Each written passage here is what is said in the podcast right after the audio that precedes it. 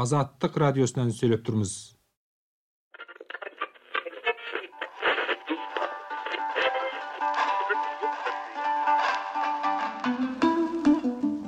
азаттык радиосунан сүйлөп турбуз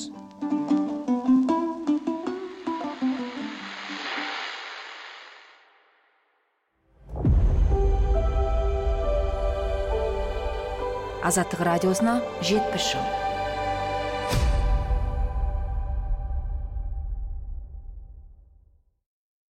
армысыздар агайын алдыңкы эпизоддо алаш кайраткери мустафа шокайдын дауысын эстиген боларсыз.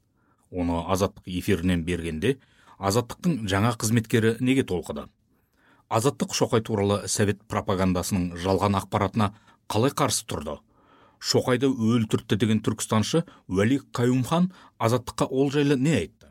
Бурунку әріптестерімізді сөзгө тартып ескі аудиону ақтарып осы сұрақтарға жауап іздеп көрдік. Бұл азаттық радиосының жетпіс жылдығына арналған азаттық жетпіс подкасы. Сіздермен бірге мен қуанышбек қари. Бәріміз бір болсақ біздің жеңбейтұғын жауымыз болмайды. Мақсатымызға жетеміз.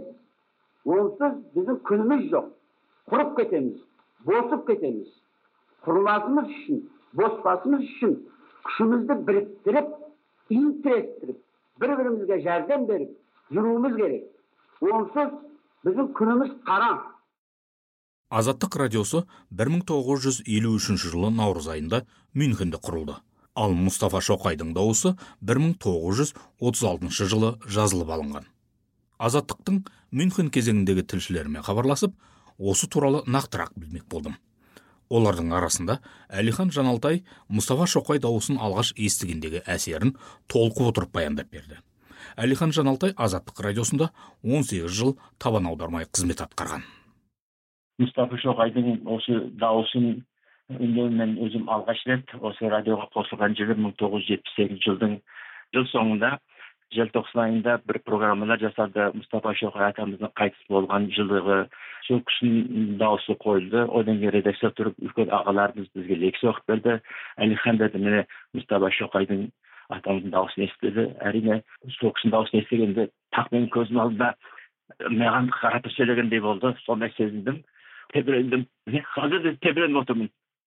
Әлихан жаналтайдың айтқанына қарағанда мұстафа шоқайдың дауысы әуелде радиодағы орталық азия елдері тілдерінде хабар тарататын түркістан редакциясының эфиріне беріліп тұрған.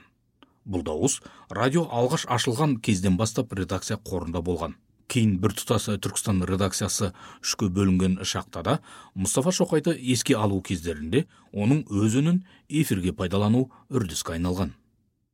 Әр редакция береді тек қазақ емес қазақ өзбек қырғыз да береді түркмендер де тәжіктер де біраз естіртіп бәлки тәржімамен айтып беруші еді осылай осылай айтты деп еуропадағы орталық азия елдерінен шыққан эмигранттар яғни түркістандықтар арасында мұстафа шоқай идеялары маңызды болды дейді әлихан жаналтай бұған әсіресе түркия зиялылары көбірек назар аударса керек бірақ бұдан ішінде ең жақсы көп пайдаланғандар өзбектер болды мәселе өзбек зиялылар болды мәселе тахир шағатай абдулвахап оқтай дегендер бұлар түркияға барып мұстафа шоқайдың күресін еңбектерін танытты дауысын естіртті.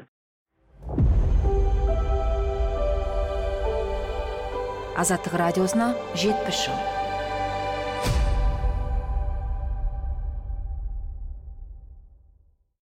Азаттық радиосында сақталған мұстафа шоқайдың дауысы туралы подкастты әзірлеу барысында тағы бір дерекке кезіктім.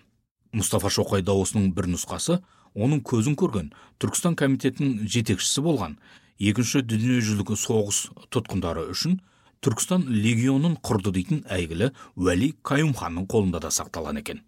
Бұл туралы маған азаттық радиосы өзбек қызметінің бұрынғы қызметкері шағатай көшер ақсақал айтып берді. Ол мұстафаның үні жазылған таспаның бір нұсқасын 1991 жылы уәли каюмханмен сұхбаттасқанда алдым дейді. Сол жылы мұстафа шоқайдың қайтыс болғанына елу жыл толған.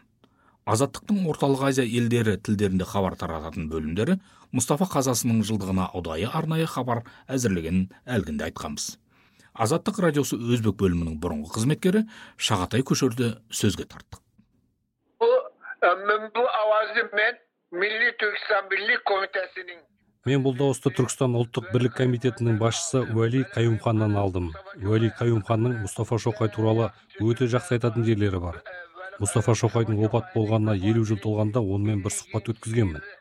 Dolayısıyla münasebeti bile o men bilen Mustafa Çokay hakkında bir interview ötkazganman. шағатай көшір мұстафа шоқай дауысының уәли қаюмхан архивінде де сақталғанын айтады.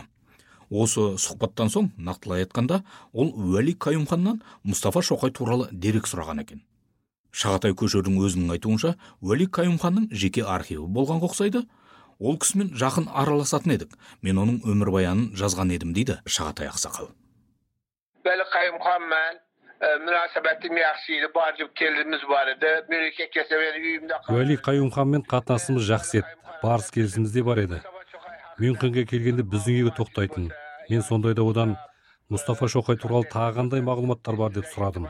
Кітап па кассета ма не бар деп едім. 1936 жылы берлинде түркістан жастар алдында сөйлеген сөзі бар деді. Соны маған берді. Алғаннан кейін оны мен елге тараттым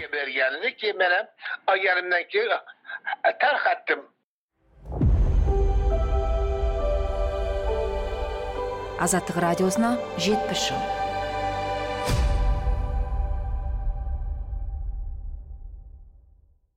Мұстафа шоқай мен уәли қаюмханның арасы қандай болған?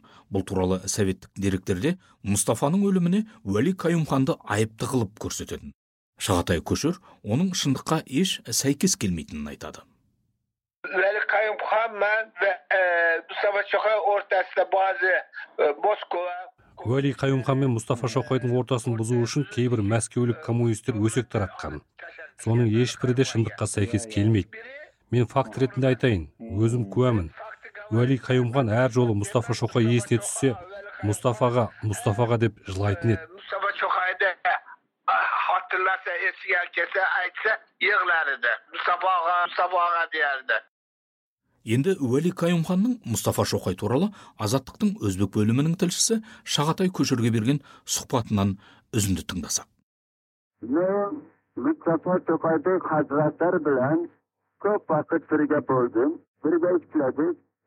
мен мәртебелі мұстафа шоқаймен көп уақыт бірге болдым бірге істедік пікірлес болдық отан жолында бірге уайымдадық бір бірімізге сендік бұл сенім біздің қозғалыстың негізі болды әр уақытта біз бір бағытта болдық бұл қозғалыс бөлінбес биік түркістанды аңсады онда өз қауымына бұра тарту рушылдық деген жоқ еді ол өзі жазған мақалаларында жазба мұраларында өзбекстан қазақстан және басқа республикаларды түркістанның бір бөлігі деп танитын.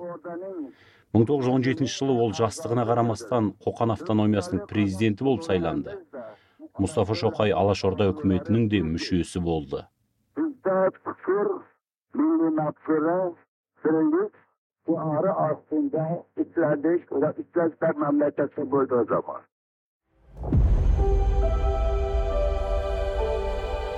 Азаттық радиосына жетпіс жыл.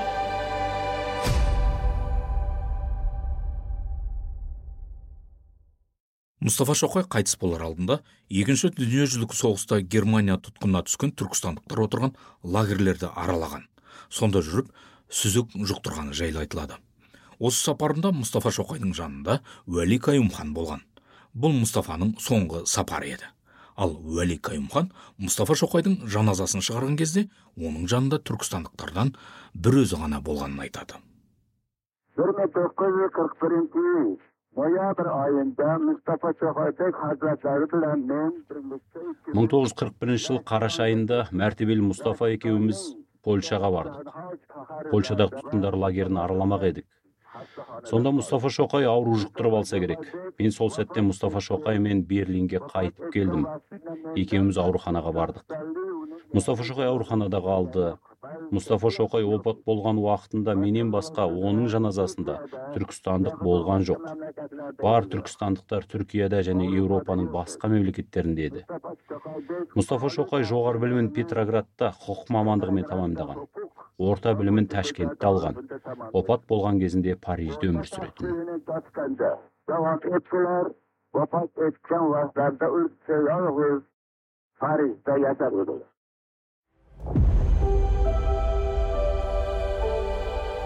Азаттық радиосына жетпіс жыл.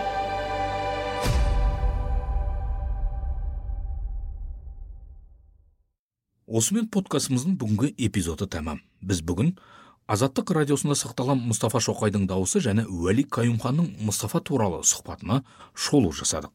Қазақ сср үкіметін басқарған кезде нұрсұлтан назарбаевқа қастандық жасалғаны рас па? Назарбаевтың алғашқы бүкіл халықтық сайлауға дейінгі азаттық радиосындағы келбеті қандай болды? Подкастымыздың келесі эпизоды осы туралы болмақ. Подкастты азаттық сайтынан подкаст платформаларынан және азаттықтың ютуб арнасынан жүктеп алуға болады. Келесі эпизодта кездескенше сау сәлемат болыңыздар. Азаттық радиосына жетпіс жыл.